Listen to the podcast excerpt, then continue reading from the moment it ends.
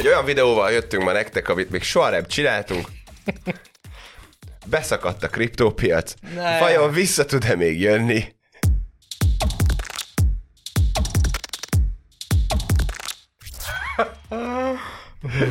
A Guardiannek sikerült ezt most lehozni a június 4-én. A Nemzeti Összetartozás és a kriptópiac bekresselés napján. Mondom a kedvenc idézetemet. Összefüggött ez a csökkenés a rendes világgazdaság zavaraival? Valószínűleg. Az újságírói szakma csúcsa? Nem találok benne kivetni valót. Valószínűleg. Ú, ezt összehozta ezt a cikket. Úgy az volt így a, az volt így a nagy, nagy, nagyjából összefoglalója emberünknek, hogy hát ugye itt bezuhantak az árak, elveszítették az emberek a megtakarításaikat, úgyhogy így, hát így sokaknak megérkezett a felismerés, hogy ez az egész blockchain állam túl szép volt ahhoz, hogy igaz legyen. Természetesen a legnagyobb nyertesek továbbra is a sikeres vállalkozások és a kockázati tőkealapok. Egyébként mennyire igaza van, és tudod, hogy miért?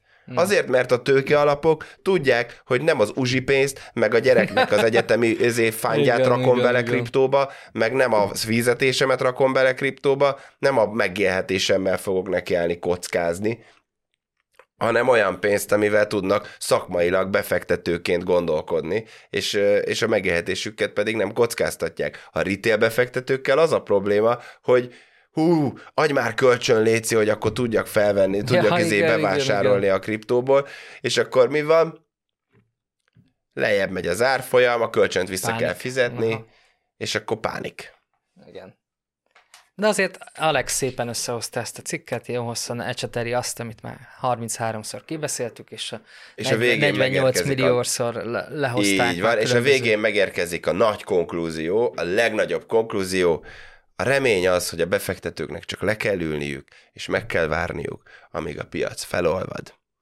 És ezt imádom, amikor a mainstream média eljut arra a pontra, hogy háromszor eltemeti a bitcoint, majd az az egésznek a konklúziója, hogy hodl. Igen. Hodl, meg. Hodl! Komolyan. Hodl Pamela. És még nem is ittam ma reggel kávét. Akkor azért van. Most már mindent értünk. Igen. Most azért ugye egy, volt egy kis izé, volt egy kis rebound, uh, itt a, a hétvégén azért egy kicsit izé ugrott, a, Á, ugrott jó- az árfolyam. ki, igen. De azért onnan tudjuk, hogy bear market van, amikor uh, mondjuk a Decrypten lehoznak egy cikket arról, hogy 5%-ot ment fel a bitcoin meg az Ethereum. igen, Tehát, hogy igen. Ez innen, a hír. Igen, innentől már tudjuk, hogy, hogy, hogy bear market van, mert amikor tehát, hogy nem az van, hogy ez egy new all-time high, meg faszom Igen, van, hanem igen, az, igen. hogy 5%-ot mozdult a piac, akkor ott már tudjuk, hogy már itt valószínűleg az akkumulációs fázisnak a vége felé kezdünk el járni, bár továbbra is mondom, hogy én továbbra is remélem, hogy még egy ilyen 3-4 hónapig legalább kitart a bear market. Amivel tudom, hogy nem leszek népszerű. Tudom, hogy nem leszek népszerű, de higgyétek el, hogy a medvepiac jó. Az kell. A medvepiac jó, mert eltűnik, ha néztétek az előző videónkat, akkor tudni fogjátok, eltűnik a sok kabzsi gyökér a piacról. Oké. Okay. Csinálnak helyet az újaknak. Vagy az egyik kedvenc példám a, a sok kabzsi gyökérrel kapcsolatban, ugye azért virágkorúkat élik a szkemmerek itt a Hú, nagyon kriptóvilágban. durván. Nagyon durván ugye elterjedtek, és egyre jobban, egyre jobban ö, ö, terjednek. Most hogy itt van előttem egy pár összesítés, hogy ö, 2018-hoz képest 60-szorosára növekedett a szkemek általi veszteségeknek a száma. Szerinted ez miért van? Azért meg kezd mainstream lenni a kriptó, és már mindenki azt hiszi, hogy kapzsi mérleg felugrik, mi- mindenki azt hiszi, hogy na, akkor ebben most nagyon sok pénzt fogunk összeszedni, és bárhova beugranak. Bárhova. Megérkezik egy csomó ember, akinek csak felületes vagy Igen. olyan tudása sincsen a kriptóról, és hát Billy Markus szavaiból ö, idézve szabadon gyakorlatilag gyökerek, és nem értenek a kriptóhoz Nem, egyáltalán, és, ö, és, és ennek az az eredménye, hogy felülnek mindenféle Abszolút. ö, dolognak. Most itt volt egy ilyen összesítés, hogy 2021 eleje óta több mint 46 ezer áldozat veszített 1,3 ö, 1,03 milliárd eurót a kriptócsalások miatt, és ami nagyon érdekes, hogy hogy a Meta és a Telegram oldalakat emelik ki a csalók népszerű táptalajaként. Most itt a, a Meta oldalak alatt, mit tudom én, Instagramot értünk, meg Facebook oldalakat?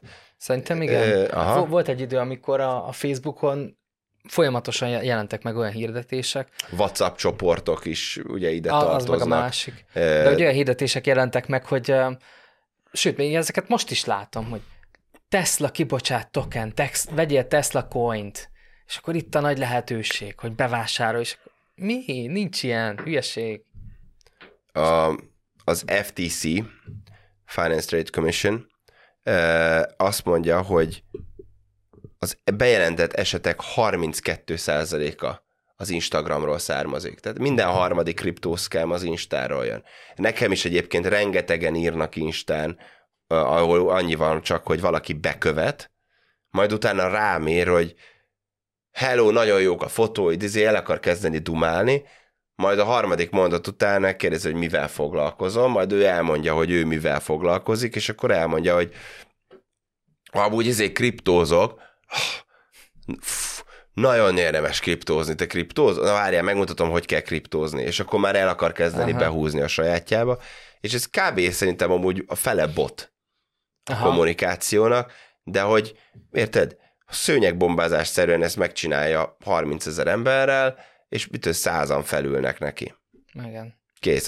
Az átlag azt mondja, hogy a piaci felügyelet becslése szerint a medián áldozat óri- óriási 2430 eurót bukott. Tehát, hogy konkrétan egy egységsugarú scammer, egy egységsugarú kriptófelhasználóból egy millát simán kiszed. Ez durván hangzik nagyon. Ja, száz embert felül, száz ember felült a példa az előző példában ennek a dolognak, az száz milla. Igen. És biztosan nagyon sokan csinálják, ugye ná- nálunk is nagyon sokan vannak, akik jönnek hozzánk, hogy segítséget kérnek, és fú, egyesülethez is nagyon sokan jelentkeznek be, hogy segítsetek. Nagyon durva, nagyon. Mindenki bele akar ugrani hirtelen, és akkor be- beszállnak. Szia uram, egy jó kis kriptobefektetés érdekel? Olcsó bitcoin eladó. Ugyanott. Ugyanott. Igen, amikor, és akkor megjelennek az, hogy ezért lehet venni bitcoint, és bitcoint. BTCT. Az, az, az, az. És a Marika néni, a nagyi nem érekli. Ő beszáll. Most ő, ő olcsón van. beszáll, most beszáll az internetben, mint Vágási Feri. Ez az, ennyi. Úgyhogy De egyébként e- emlékszel még a ti- 17-18-as ide, időkben, amikor nagy ICU boom volt, már akkor is a Telegram ment, és akkor még úgy volt, hogy mindig a utolsó pillanatban jelenítették meg a, a mondjuk az Ethereum tárca címet, ahol, ahol vo- volt a smart contract, ahol tudtál venni, vagy amin keresztül tudtál venni az adott tokenből, és már a Telegram csatornákon is az ment, hogy beto- betolta a saját valettjét, Aha. és akkor arra fizettek be az emberek. igen, igen, igen. Akkor igen, se igen. értettem, hogy de ezt miért? Tehát, hogy miért fizetsz be olyanra, aki ott benyomja neked a, a Telegramon, amikor elmondták a, a fejlesztők egyértelműen, hogy a honlapon lesz rajta. Meg ami, ami nagyon érdekes még egyébként az az, hogy eh, fú, most nagyon sok emlék visszajött Ja. amúgy azokról az időkről, főleg amikor ugye mi is csináltunk ICO-t, és akkor ez egy tényleg egy nagyon izé volt, hogy akkor erre a wallet címre kell utalni, vagy arra a wallet címre kell utalni, ugye nem volt izé, nem volt semmi online felület, meg Igen, semmi, igen. hanem konkrétan tranzakciót kellett küldeni, és akkor a smart contract, hogyha megnézte, hogy whitelistelve voltál, és hogyha nem voltál, akkor visszadobta Mhm. a tranzakciót, de hogyha valaki másnak küldte, akkor csak simán frankon küldtél pénzt valakinek. Így van, Tehát, ennyi. hogy így ennyi volt a történet. Nem Igen. volt izé online felület, ahol kattingattál. Ez durva, igen, nagyon-nagyon sok pénzt nyúltak le. Ja, hát ez van. Az igen. Kapzsik és gyökerek. Kettő rossz párosítás. És mondom, amikor, amikor burrán van, akkor azért, de most ugye már összeomlott a kriptópiac, tehát hogy ugye a Guardian most már megmondta, hogy nem tudjuk, hogy mi van. It's over. Az utolsó ember kapcsolja le a villanyt, úgyhogy most ezért vannak nagyon durván meg, meg szaporodva a szkemmerek. Hát az a baj, hogy ebbe ennyi fér bele. Ah, igen, nekem nincs nem mondani való. Nincs.